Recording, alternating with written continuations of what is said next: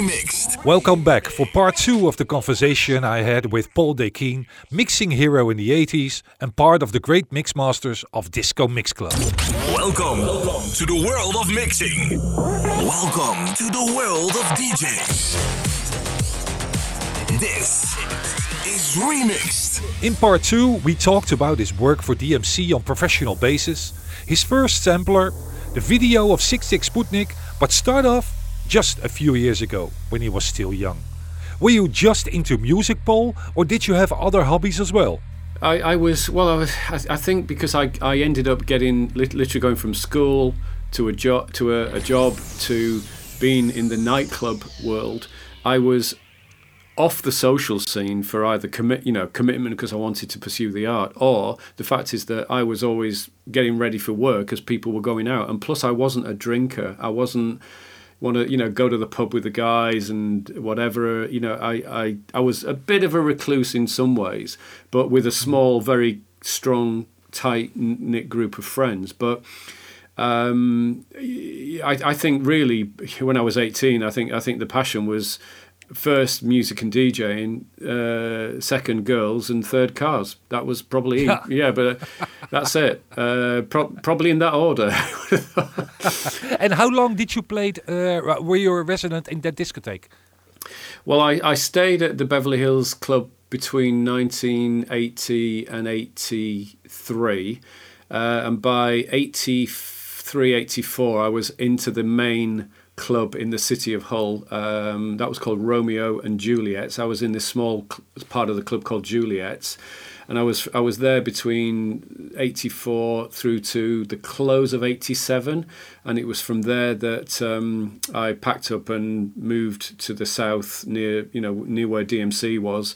In uh, it was November 19.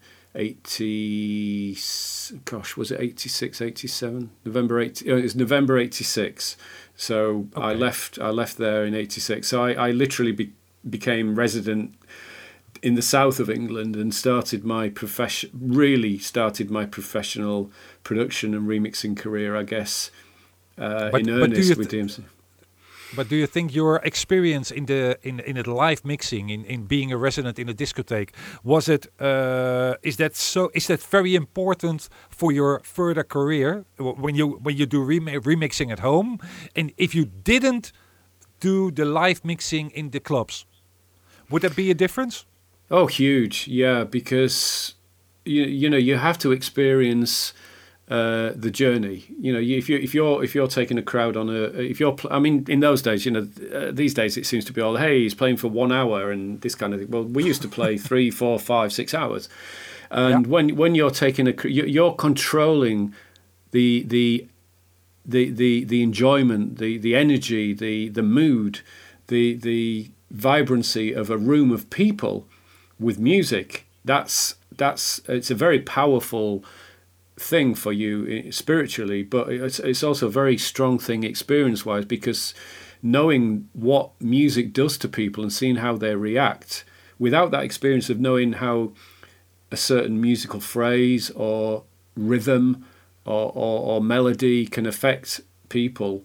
Uh, if you haven't got that in, in innately programmed into you by watching it and, and, and absorbing it, then you, you won't be as successful in the studio because otherwise you just cr- grasping at straws about what to do next. Whereas, so the journey is, is, is a big part of it. But the, the other side, on the more commercial DJ side, is being able to pick up a, pick up a microphone, which has served me very, very well for public speaking, edu- teaching, live streaming, to be able to pick up a microphone and communicate with people uh, on, with a personality as well. So all of these things come into play.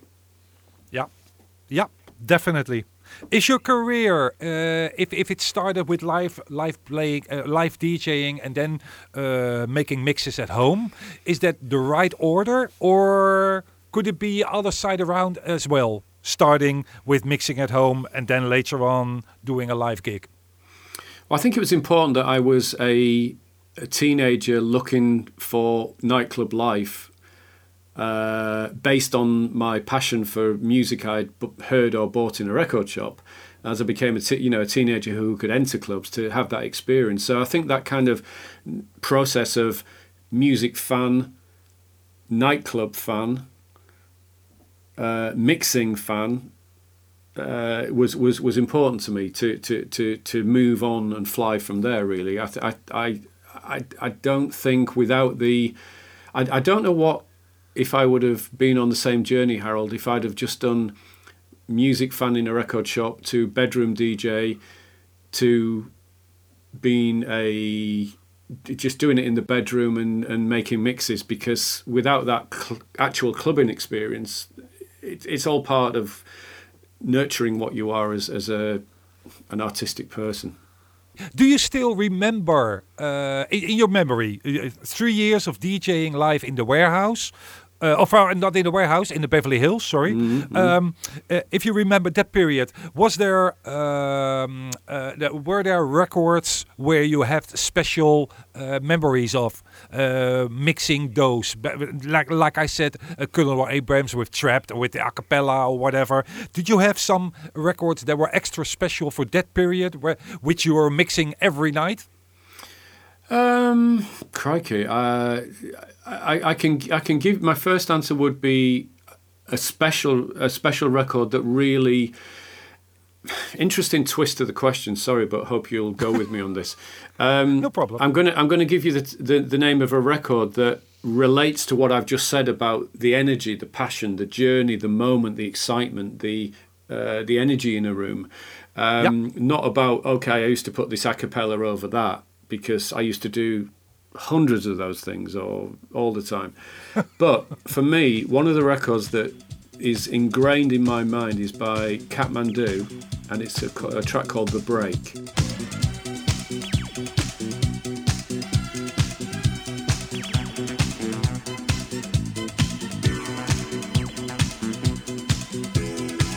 And the reason that that's sticks in my mind, probably the greatest disco record ever made as regards energy, is the fact that we it, it brought together every element of what disco is the orchestration, the energy, the cowbells, the, the rhythm, the bass, and those drops and the energy. And what we, we made the lights and the sound system talk with pyrotechnics and and fog and l- lasers and uh, neon and strobes or whatever, you know, all, and we used to make that record a moment and it would be the highlight of the night. Uh, so for me, that's the record that encapsulates really what disco and what came from because basically house music is disco whichever way you look at it. It's more contemporary disco. It's got a four to the four beat it's got a hi-hat. All the other stuff you know is is it's the same kind of vibe. But the energy that disco had there has moved on through my career and into other forms of music, obviously. But yeah, that, that particular record was the one that really is the most memorable as regards any one record that just spoke speaks to what came after it. Um, but, if if I think back about uh, those sort of records, but uh, same as with uh, Lime uh, with their hits, uh, they were all very fast. So I was I was just just kidding. Uh, the, mm. the, way we were dancing at that time was very fast. If you put your left left feet uh, to the left or to the right, it was very fast dancing, and, and especially the breaks was mm. a very fast. I think it is about about 132 BPM. Mm. Yeah, yeah, it was. Yeah, but but you know, on the other side of the coin, I mean, I can I, I can remember one mix to to this day, and I, I've actually emulated that mix on a.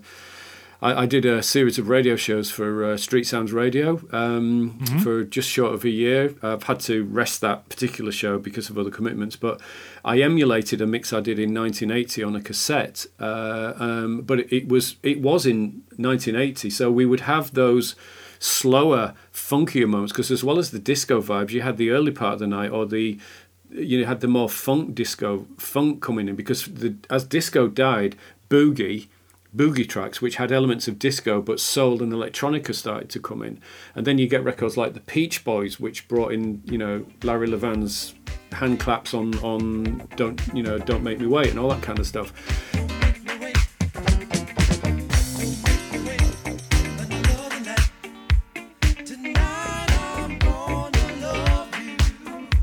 But I did a specific mix between two very down tempo records. Uh, Herb Alpert was the artist, and I would run uh, Rise. I think it was Rise, but then I would mix for what seemed like um, over a minute and a half the congas from rotation and bring rotation in beautifully. And I did it once and had it on cassette and emulated it 30, 40 years later, recently.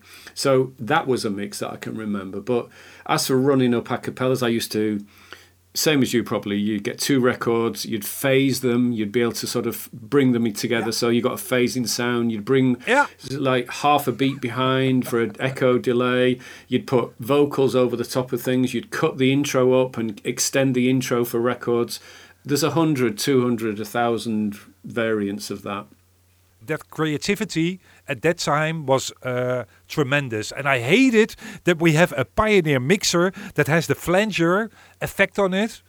And it, it was so such so great to make it in the 80s just mm. with two records. Yeah, yeah. And now, mean, it's so, yeah, now it's so yeah. simple. Yeah, but you know, we we had the, the, you know I, have I've said this to uh, students when I've lectured uh, at, at, music academies uh, when I've been doing my remix uh, sessions etc. I said you guys are really lucky in one way that you have accessibility to affordable technology that we could only dream of in, in the past. You know, we, we you, you you look at something you have on a, a, a plugin that you can sample with on your laptop you know, we, to, to have that technology would be the cost of a house, a home yeah. in, in 1985 or whatever. Uh, so, I mean, the, the other side is that, that, that, there are negative sides to the technology that's available as well. But that's what I said. You know, it was very difficult to actually push your art form forward. I mean, the cost of a reel-to-reel recorder was like 750 pounds in 1984 85 you can imagine how much that is in today's money so, uh, you know, and, and buying the, you know, creating DIY digital delays and samplers and, and, this kind of thing. All these things, it was necessity was the, the mother of invention in, in 1985. Talking about the, the, the equipment, what was mm. your first sampler?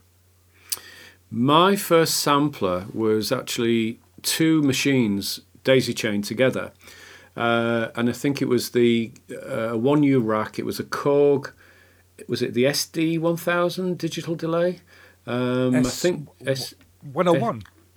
No, the the Korg SD uh, Sierra Delta 1000, I think it was. It, uh, it, was a digital delay. It was it was a dark navy blue color with yellow buttons.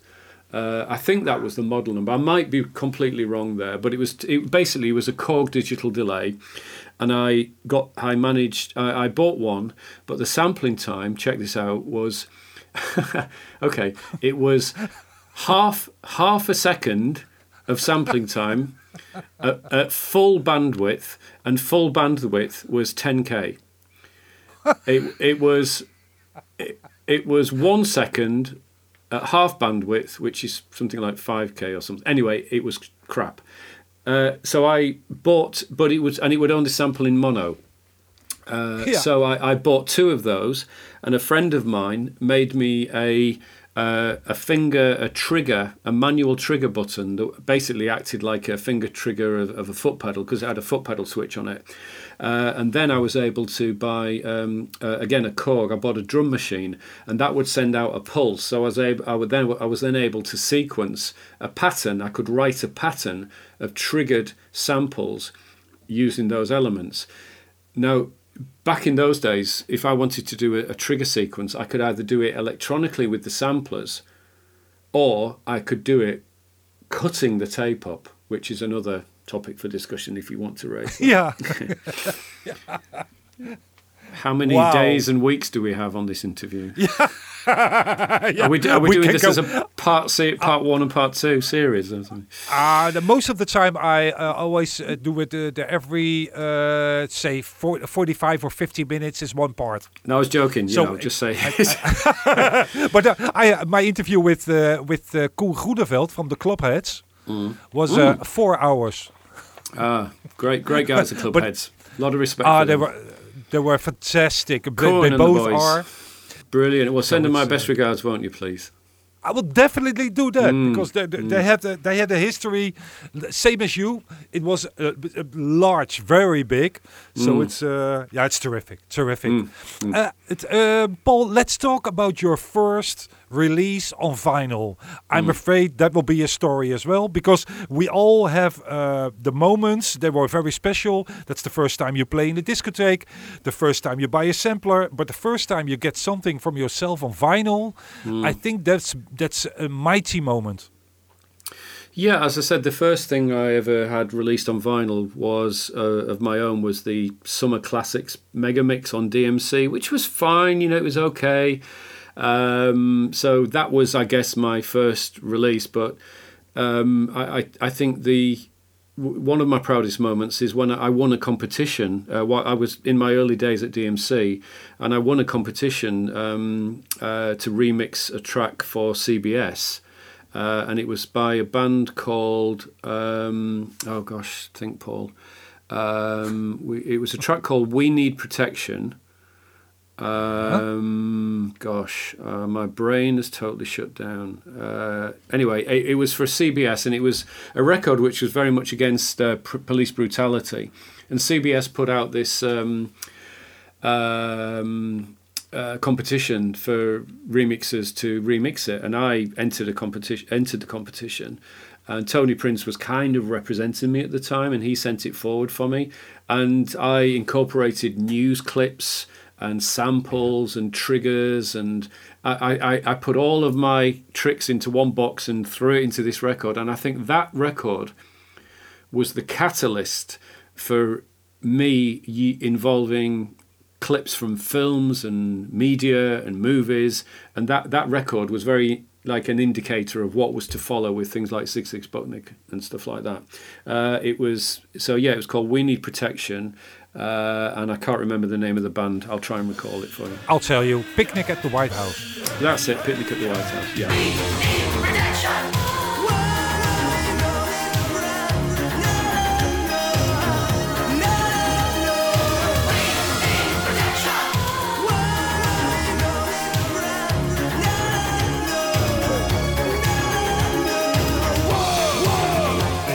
Yeah, Yeah, that's yeah, it. uh, that's the good. That's So the I, I, yeah, so I won that. I won, I won the competition. The record got released, and then I went in the studio to remix their next record, uh, which was quite a fantastic experience. Which, which is me being in uh, uh, Sony's digitally enhanced uh, recording studios in London. You know, some some kid from the north of uh, England uh, with this rock and roll band. And hot women coming in and out of the studio because one were playing the final concert in Wembley at the time, so it was quite a day for me. so uh, yeah, so yeah, So, but but you were you were talking about a bit faster uh, um, because the moment your your first mix, you already said that summer mix on the DMC, but Mm. uh, wasn't wasn't that very special for you because you were talking about more about we need we need protection uh, in the scream mix for a Picnic at the White House than for that first release on vinyl. That's No, a bit, I- that's a bit yeah. for me. Well, yes no. I think because it, it, I, I, I quite liked a lot of the records that were in, in the mix, but I think for me, I, I, as a first, it's, it's not a release that I go, hey, this is my first mix and look at this, it's brilliant and blah, blah, blah. It was a decent mix. I was kind of still finding my vibe. You know, I'd been given access to all this new equipment. It was the first mix I'd done at DMC Studios. So I'm I'm mm-hmm. young. I'm finding my way around new equipment and new vibes. I hadn't flourished, it, and and I think it's I, it's not that I'm not proud of it. I'm just I just didn't feel that it was something that I wanted to go. Hey, this is this is the big thing. You know, I'd you know, as I said, I've, I referenced the Picnic at the White House record. Um, For me, I think it wasn't uh, artistically innovative enough to be to be shout, shouted about. but you're always looking for perfection, and Uh, I, I, yeah. you want to, you always want to do better and better. I understand it completely, and I understand Mm. also that uh, when your first release is is maybe it, it so your first release wasn't your goal. It was a Yeah, bit a bit commercial. it was a bit commercial, and you know, I wanted to be, you know, you are you know, you want to be the cool kid, and um, Yeah. that mix what for me wasn't the coolest music that I was known for or wanted to be represented. So I kind of like muted it a bit. It was like, "Mm, there it is. Yeah, next one.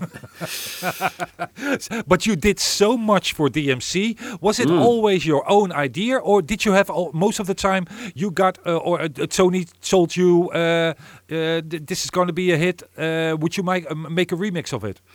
We were never told to do anything. We were never forced to do anything. We, sometimes there would be opportunities that Tony, Tony or uh, Susan or Christine at the time would say, "Look, hey, record label artist, this is going to be big. Do you want to have a go at it? Would you do this? Blah blah blah." So you know, we, we always had kind of. Um, artistic refusal if we wanted to do. But sometimes there was oh can you do this? Because we really need that. I mean i, I i'll give you an example. I don't mind telling telling you this at all.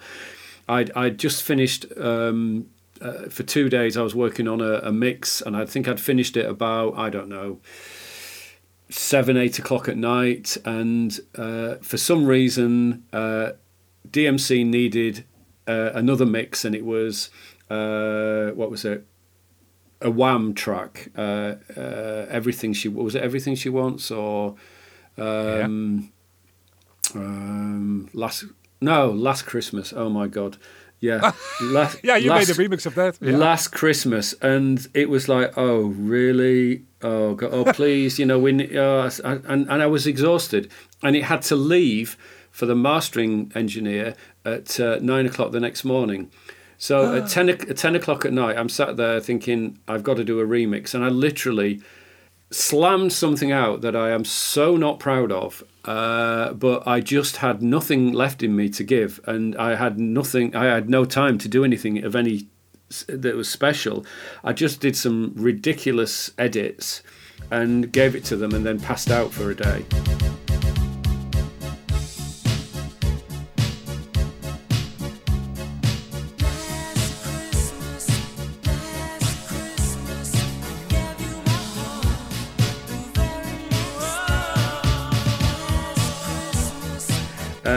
And you know so shit like that happened now and again because it's literally it was a conveyor belt of creativity and go go go go. And, and i was doing starting to do gigs and life and blah blah blah and business stuff. So but there was never a gun to our head. Uh, and we quite a lot of the time in, in in you know props to tony and the crew there that we would say we'd love to do this and they would bust their asses to get the multi-track or get permission for everything because not every single remix could be just done even though dmc had a blanket prs license which meant that they gave x percentage of their income to the uh, performing rights people, uh, which was then blanket released across everybody. Uh, Each each remix had to have permission from the label, so there was a lot of administration that went on in the background, and they really did. For as much as we gave them as regards, yeah, we'll get you out of the shit here, they gave us in Wow. kind of, uh, you know, I mean, for me, it was, I think it was Tony who engineered my desire and passion and need to actually get hold of a yellow multi-track and where that, you know, that bounced off into a multitude of projects for the band. Level 42, you know, these kind of things for me. So yeah, there was that kind of push and shove with DMC. Wow. What a stories. Uh, th- th- there is something that surprises me because I've listened the last couple of days. I've listened to so much remixes that I uh, got from a good friend of mine, Dennis de Haan. Props to, for your uh, creativity and your differences in music styles that you mm. have mixed. Because mm. you you were you were mixing Sparks, you were mixing Queen or uh, uh, mm. the Flow Rider, Talking Heads. It didn't matter which style you you made remixes of all those sort of different tracks in different styles. The, my compliments for that. But especially there are two that I want to mention. Because uh, New Order. Uh, the Beach and uh, the Sigue Sigue Sputnik mix. Those two, they were uh, full of creativity, and other remixes, like you said already, were a bit, yeah, more, with all respect, more simple made. Oh yeah, for sure. But I think you understand now the reasoning behind the fact that periodically stuff stuff came out that, and I'm not alone in this, that I'm not proud of. I, I don't mind saying so. You know, I, I I really am not proud of certain things. It'd be like Joe, just don't mention that one. You know, but it was really probably due to the fact that. Uh, there was either a time constraint. I mean, we were literally sleeping under the studio desk. You know, I mean, we were non-stop for years doing this shit, and Yeah. you you burn out. You burn out, and also you don't just burn out from a general week's work. You can burn out for for a year, and you know, I mean, this another day for another story for another day perhaps in the future is is why I made the Tin Man record, how I made it, and what what prefaced it, what prefaced the whole thing, and why I wanted to make that statement with that record. You know, that kind of thing.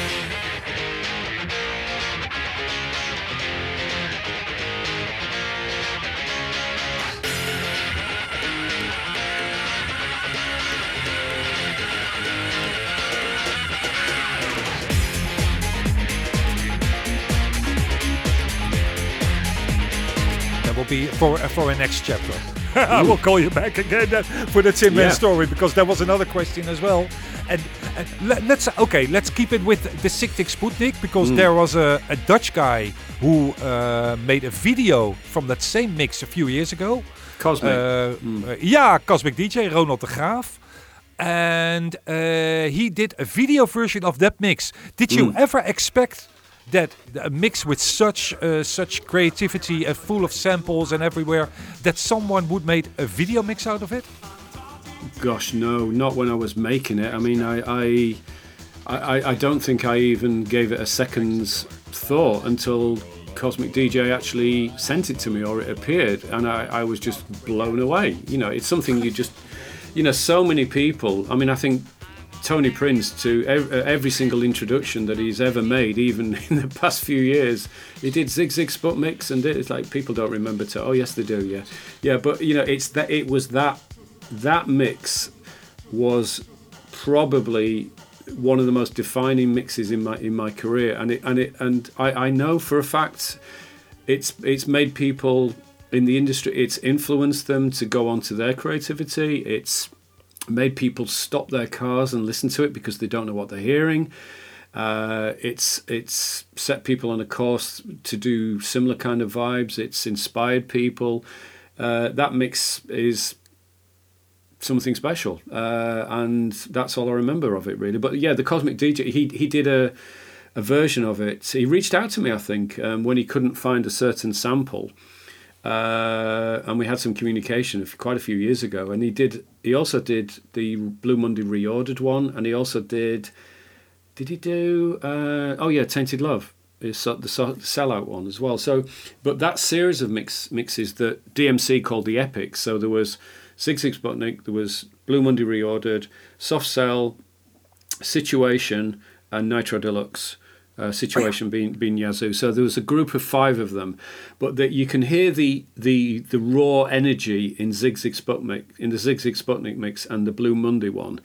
But as it as it moves into Tainted Love and into Situation and into Nitro Deluxe, the studio technology was changing and maturing, and I, in in a way, it kind of softened the raw element that happened in Sigue Sigue and Blue Monday. I think it, again, it was that by nature of necessity uh, is the mother of invention, and you know once you get caught in the sort of production line element of it, you you tend to just I'm not saying not put your best work in, but there's a definite change in style from from the first of the five epics to the fifth one. That's the, the difference between working or making mixes in the 80s, where you had to push your creativity, and and right now you have so much to choose from. I have a bunch of samples. I think about uh, two million samples, and I have no idea which to choose.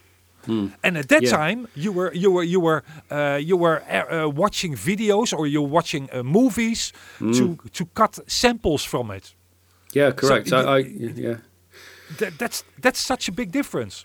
But there is, yeah, yeah. I mean, I, I was recording, I was watching movies on video cassette and recording them. I was building up a, a poignant, impactful words, statements, phrases from movies, and I had a cassettes of these things, and I've still got them to this day, probably somewhere. Um, but the other interesting thing about the it's it's you will have noticed this. Not it, it escapes some people, but certain creative individuals notice this is that there is a, there is never a randomness about those samples. It's not just hey this uh, hey this sample fits this beat or this rhythm or everything. If you listen to the actual phrasing and what those samples are saying or insin- in, inferring, they they either have a theme that relates to the musical background, and then there's a link to the next one. It's a storytelling creation. It's telling. It's back to the journey that we discussed earlier. The the experience of the linear experience in time from the beginning of the track to the end of it, whether it's a six, seven, eight, nine, ten minute track or mix, or a six, five or six hour DJ set. Uh, and those mixes, the Sigue Sigue mix, the New Order mix, and the Tainted Love one as well, as was well, they were the ones that told a story. There is a connectivity between each section as they move through in what's been said and what's been musically represented. Are those the mixes you're most proud of, or are there mixes where you had uh, such a work and which were never a success? Um, uh, DMC or general release or Uh, just in general, doesn't matter. Well, Sigue Sigue Sputnik is is is the is the it's the line in the sand that that pretty much defined the future. I think my flexibility to uh, you you've mentioned it is it, to, to not being tied to one particular genre. I can take a funk track, a rock track, a swing track, a straight time track, a house track, an electronic track, and I can remix the fuck out of it. You know, I, I have so many. You know, there's, there's, I have no kind of. I'm not in any pigeonhole. You know, certain producers and DJs are, are. You know, I play this type of stuff. That's it. I I will do anything and go anywhere if if the energy is right and, the vibe is right. But My my- my personal hero was always Peter Slaghuis. Hit oh House. yes, yes, yeah. Uh, Rest his but, yeah. but but yeah, that's the same as same as Les Adams, the same as Alan Coulthard. It's, it's, Incredible it's a pity uh, yeah, Incredible. that's uh, a big miss. Um, But th- th- he was my personal hero. But uh, the, he had his own style. Uh, Sanny X had his own style. Ben Liebrand has his own has his own style. I I always thought uh, the, the, had my opinion about, about you because you were so creative that you have uh, such uh, you had a bit of everyone. Ah, oh, that's very interesting. Because yeah, but you you were not in one uh, with Ben Liebrand. You could always hear when it's a remix from Ben Liebrand, especially in those days. I, I couldn't tell if it was a mix from Dakeyne because you had a lot of everything. Don't you think that yourself? Yeah, I well now you're saying it. Yes, I get it. But one one of the the other thing that could speak to that as well, Harold, is uh, I I never used a. St- you, you talk about certain DJ producers where you could say, oh, that's so and so, that's so and so, and that's him, and that's her, blah blah blah. Mm-hmm. For me, I all I never used the same drums, the same sounds. I didn't have a stock sound that I would use. I would always create a new entity of percussion or, or, or the vibe or the bass or the chords or the instrumentation or the effects or the, the, the production techniques to the project. And this This is is one very of, important. for me, yeah, yeah, and but this is why I can literally turn my attention to anything, um, and I don't let any limitation stand in my way as to, to, to succeed in that goal. That you know that that um, that kind of drive is with me still today. Uh, um, well, in this version 3.0 of life that we discussed. So um, so I'm kind of proud and happy that I'm not uh, to a certain degree, it's actually stifled my career and success financially, to speak to you bluntly and your listeners, because I have not pigeonholed myself into a genre, into a, a, a, a, on a road that doesn't go anywhere else. Uh, so it, I, I'm not identified in this in a certain category, uh, if that makes sense. So I suppose the nature of my being, being being flexible to do A through to Z, Z, uh, has been you know a good thing and a bad thing. But for me, I'm happy that I can do that, and I would rather have that than be pigeonholed into one area alone. I have one I, I think I'll have to call you back in a few weeks or a few months, where in, in which I will have uh, much more questions, definitely. Uh, but there's one thing I, I, I still I, I want to know uh, for for right now. It's uh, if you ha- you have made done so many things, uh, you have made so much decisions in the past, uh, it, maybe right now even still. Uh, but if you go back to the 80s, what is the worst decision you ever made in that period uh, regarding to mixing or regarding to uh, your fee for DMC? I have no idea what it was, but it doesn't matter. Uh, uh, what is your what was your worst decision? Music business, The worst decision in the music business, which you never Um, forget. Well, I, I you know, you- I, I had a kind of a heads up on certain questions you were going to ask, and I saw that question, and then and now I cannot think of any regret, any I wish I hadn't done that in my entire career. Wow. I really honestly can't give you any indication. Life has taken me in a certain path, whether that's been marriages, relationships, uh, friends, but I, I don't have any regrets. I don't have any I wish on a professional basis, on a professional point, anything that I can say, I wish I'd had have accepted that, or I wish I had have done that, or I wish I hadn't have done that. I really couldn't think of an answer then when you hit me up on, on Messenger, and I can't think of one now. Um, this is on a professional tip. There are certain things in my life, perhaps looking back, I would change on a personal level. Course. Many of us would, but on a professional level, no. I think my uh, um, life has just been the journey it has, and uh, I, I, I mean, I th- there is one thing is I, I often wonder. People tell me so many times I'm more famous in the world to DJs like yourself and and well known in the industry and my peers. I am not publicly famous, and very much. I I've I've always either used a pseudonym, Tin Man, for example, Terpsichord, different. You know, I would do different work under different pseudonyms for DMC. Um, but I kind of stepped out of the shadows in the mid '90s when I started working for Ministry of Sound, and the Tin Man record happened, and it was actually Pete Tong who, who term, you know, used the term DJ Dakeyne, and that was you know many years before the, everybody else was using DJ in front of the name. But I think the thing for me is that I missed the whole kind of superstar DJ gravy train because I was so committed to my art form in the studio. I didn't access that kind of I didn't jump on that train to to do that. But You wish but- you had? I, um, financially, probably yes. Yeah. yeah, That would make a difference. Yes. But you know, uh, yeah, financially perhaps yes, but it, it's.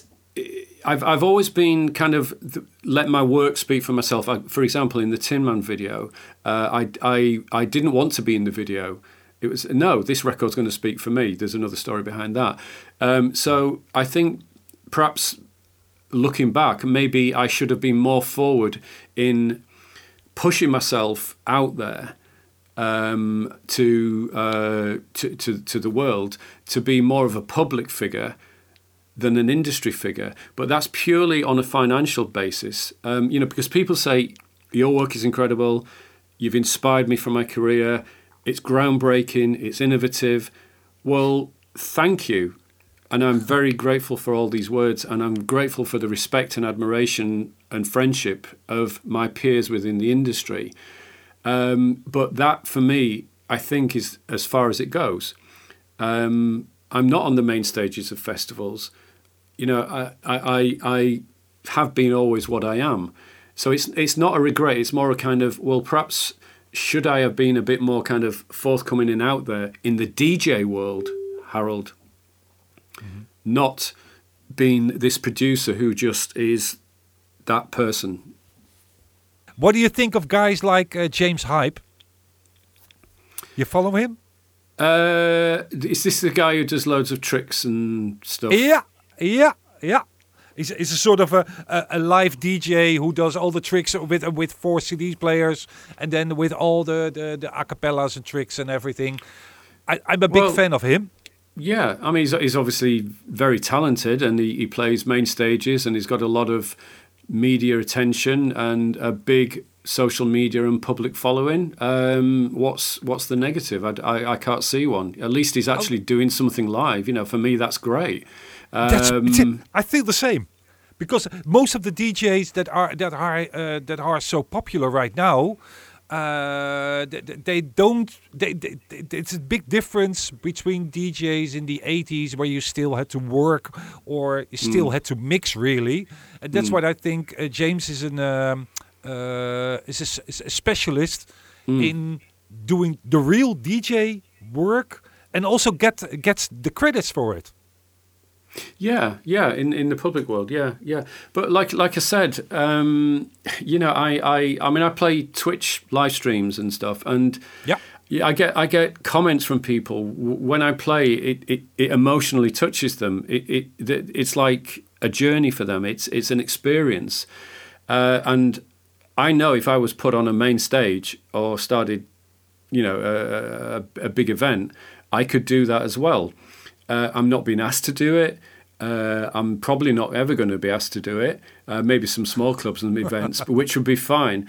But the reality of that is that I am 1000% have no regrets about what and who I am and what I've done. If, if you know, once I leave this mortal coil, maybe my work will be recognized more but you know i i don't know i don't know That doesn't. Uh, th- there's one question that came in through uh, Facebook uh, from one guy who asked me the history of DMC compared to right now. DMC is still alive. They still bring out their CDs and they bring out their best ofs and everything. Uh, do you still have contact with Tony right now, or and uh, what what in your opinion is the difference between DMC right now and in the early days?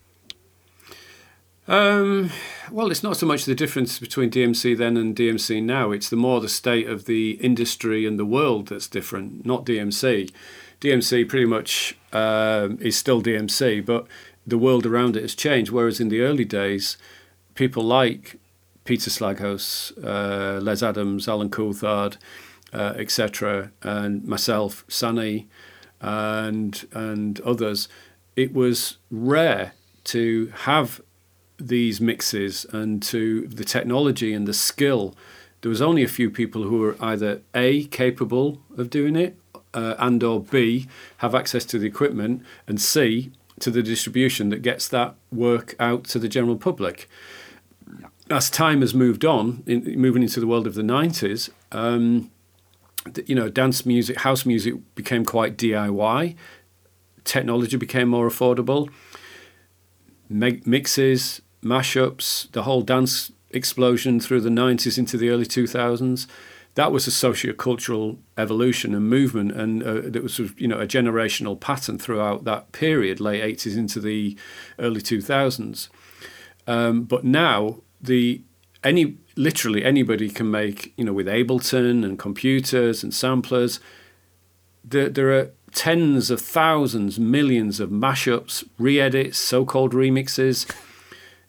It's not so special anymore as regards that. So really, how could DMC be viewed in an industry that's the same thing? And also, the industry itself, the people who went through the industry are not there anymore. They've retired or they're doing other things. You know, everybody is advanced in, in, the, in their ages and times have changed. New young blood comes in, times change. Now we're in a world of almost homogenized, drag and drop, auto tuned conveyor belt of sounds. The world and its mother thinks they're a DJ. The world and its mother thinks thinks they're a producer. The world and its mother thinks they're a, a remixer. Um, they can think that, but it's really their work that speaks the, the, the truth. And whether that's the case, and time will tell. But DMC is, you know, by nature of what it was, was an incredible institution. Without Tony and Christine and the crew there, and what DMC did, the world we know and enjoy now wouldn't be the same. It really, really wouldn't. Uh, they they actually took the zeitgeist and the vibe and brought DJs together globally and made DJing a respected um, a respected career. Um, I mean, obviously there were other remix organisations in the UK. There was uh, Music Factory Master Mix. There was over in America. You had um, Hot Tracks, Razormaid. You had all sorts of various Disconet. uh, Disconet. You know, so it, it's just that Tony unified the DJ world, and then that reached out to America and gave America. It brought it gave respect to the American DJs and producers and brought them over. So, you know, but DMC's relation to the world was that then. DMC's relation to the world now is the world that's that's changed really, not DMC as such. Um, you know, they're still making mixes and they're still putting out products. Yeah. Um, it's the world that's changed, and really, Harold. Nowadays, the young guys that started with music, they started producing right now. And Hmm. the- in our days, we started with making a remix or making a phase in a, in a, in a small remix of a of one song because Hmm. we didn't have the equipment to produce. And nowadays, those guys are not remixing anymore; they they're producing right away. So there's no Hmm. reason to make a remix anymore. Yeah. So th- Yeah. that's that's the one big difference when you're now 16 or 17 years old. I think. Well, yeah, the, the whole the whole thing about um, you know social media and, and everything can just you know a, a young kid can just be a, a DJ who's you know running around Ibiza, living the life, jumping on boats, doing doing gigs, and calling himself a DJ producer, and you know this massive social media following. But you know that's just a, a, a representation of the world that's around us at the moment. Um, it's it's different times, different times. You've been listening to part two of the great conversation I had with Paul Dakeyne. Thanks very much for your time and hope to talk to you again in the near future. Remixed has done so many interviews with great mixers from the past, such as Simon Harris and Mike Platinas. Those are in English. I have much more to come. And if you understand Dutch, you can hear many interviews with great mixers from Holland as well. It would be an honor if you would follow our page on our podcast channel, so you'll be informed whenever there's a new podcast. Till next time, keep on mixing.